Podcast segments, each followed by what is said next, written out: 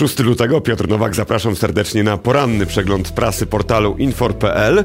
Dzisiaj imieniny obchodzą m.in. Amanda, Amand i Anioł, także nie wiem ilu znacie Amandów i Aniołów, w każdym razie złóżcie im serdeczne życzenia. Dzisiaj wtorek, a więc podobno według naukowców najtrudniejszy z punktu widzenia zdrowia mentalnego dzień tygodnia, a więc pamiętajmy, żeby na przykład zrobić sobie coś miłego i pięknego, na przykład zjeść śniadanie w towarzystwie miłych i serdecznych współpracowników.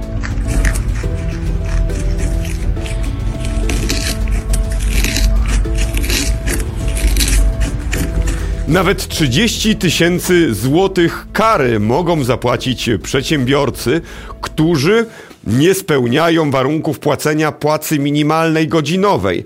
Ta, przypomnę, od nowego roku wynosi 21,75 zł netto, a wychodzi to brutto 27,70. Wciąż są firmy, które płacą poniżej tej stawki minimalnej. No jakby to przeliczyć na wynagrodzenie na rękę, to wynosi nieco ponad 170 zł dziennie, no także taki pracownik zarabiający tą najniższą krajową, no to wciąż jest w bardzo trudnej sytuacji materialnej, no także nie płacić mu nawet tej minimalnej, to troszeczkę wstyd. Kary czekają na tych przedsiębiorców, którzy nie spełniają tego warunku. Więcej o tym, e, jakie konsekwencje można ponieść nie płacąc najniższej krajowej w artykule Pawła Huczki, dzisiejszy portal infor.pl. Będą dodatkowe pieniądze dla samorządów. To wiadomość, na którą czekało mnóstwo e, obywateli małych ojczyzn, bo ten niedostatek środków finansowych był szczególnie odczuwalny.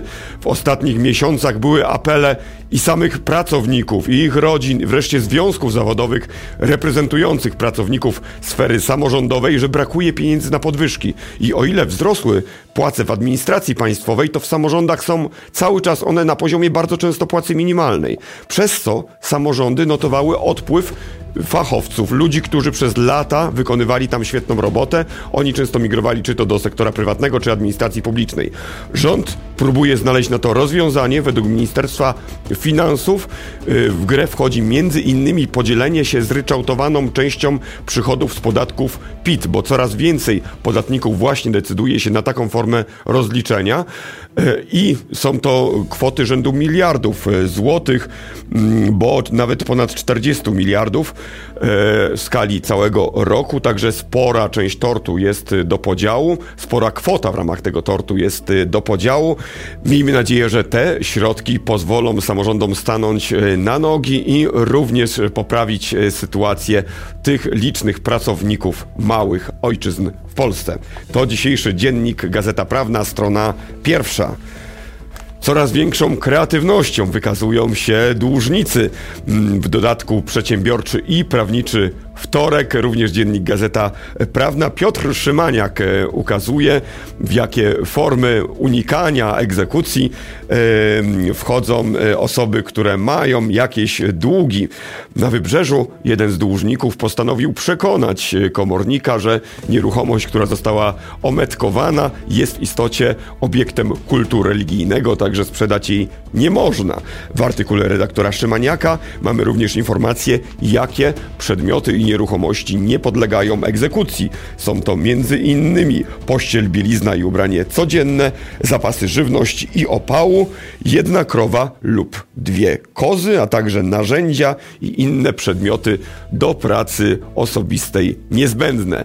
To dzisiejszy dziennik Gazeta Prawna, dodatek przedsiębiorczy i prawniczy wtorek.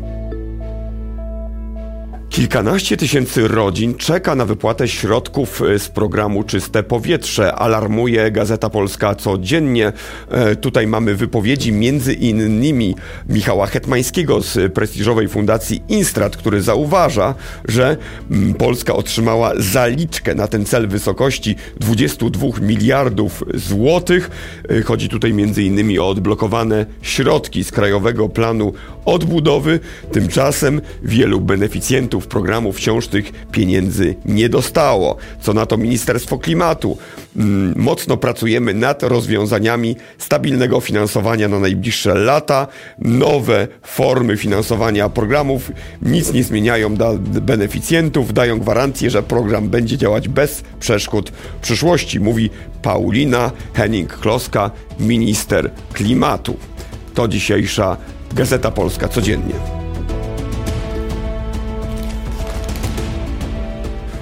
Dajmy sobie spokój z antyatomową propagandą, mówi felietonista Gazety Wyborczej Jakub Wiech, jeden z lepszych speców od energetyki, wskazuje, że nie ma sensu porzucać projektu dużej elektrowni atomowej na rzecz mniejszych obiektów, gdyż te wszelkie problemy związane z legalizacją, z pozwoleniami były głównie właśnie mm, przeszkodami natury administracyjnej w innych krajach. Także nie powinniśmy patrzeć na te przykłady jako przestrogi, tylko raczej pomyśleć o sprawnej ścieżce administracyjnej do tego, żeby ta energia atomowa w końcu do naszych gniazdek popłynęła. Parafrazując chińskie przysłowie, najlepszy moment na budowie, budowę elektrowni atomowej w Polsce był 50 lat temu, drugi najlepszy moment jest teraz, to jest Jakub Wiech w Gazecie Wyborczej, dzisiaj dział opinie. Mięso z laboratorium miało okazać się wybawieniem dla tych, którzy nie chcą krzywdzić zwierzątek, a jednocześnie lubią sobie zjeść steka. Na razie jeszcze tak się nie stało. Świata nie podbiło y, mięso z próbówki. To tekst w dzisiejszej Rzeczpospolitej.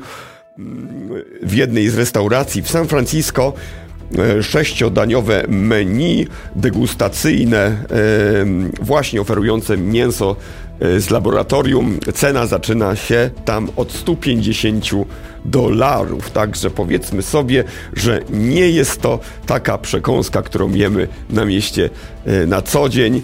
Między innymi wysokie koszty produkcji wpływają tutaj na taką cenę talerzową. Natomiast e, jest nadzieja, bo sporo nowych licencji, również inwestycje technologiczne w ten dział nauki i produkcji mają miejsce, także być może już wkrótce to e, białko mięsne, niewymagające e, hodowania zwierząt w rzeźni będzie jednak nieco tańsze. Więcej o tej problematyce w dzisiejszej Rzeczpospolitej. Niemcy będą inwestować e, w polską gospodarkę, ponieważ ich pracownicy nie są w stanie już e, produkować ze względu m.in. na wysokie koszty pracy. Nie ma więc e, innego wyjścia dla Polski, jak tylko piąć się w górę, mówi Peter Cechain, amerykański analityk i doradca biznesowy, który był gościem konferencji w Poznaniu. W wywiadzie z tym analitykiem mamy m.in. interesujące zagadnienia na temat tego, czy USA opuszczą Sojusz Północnoatlantycki, więc tematy geopolityczne, ale również y, sporo tematów gospodarczych, między innymi czy globalizacja się zatrzyma, y, czy będziemy mieć do czynienia z załamaniem globalnego handlu, a także czy Polska dołączy do grupy G20. To wywiad z Peterem Cechainem, amerykańskim analitykiem w dzisiejszym Pulsie Biznesu.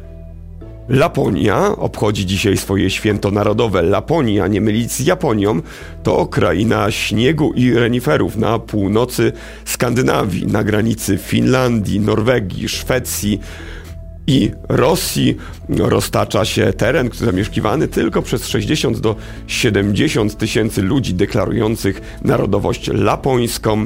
W stolicy Laponii, Rowaniemi, można m.in. przejechać się saniami świętego Mikołaja, skosztować pierniczki przygotowane ponoć przez e, żonę świętego Mikołaja, a także mięso renifera, czy przespać się w lodowym hotelu. Lapończycy dzisiaj świętują, a ja życzę Państwu dobrego dnia i do zobaczenia już jutro. To był poranny przegląd prasy portalu infor.pl.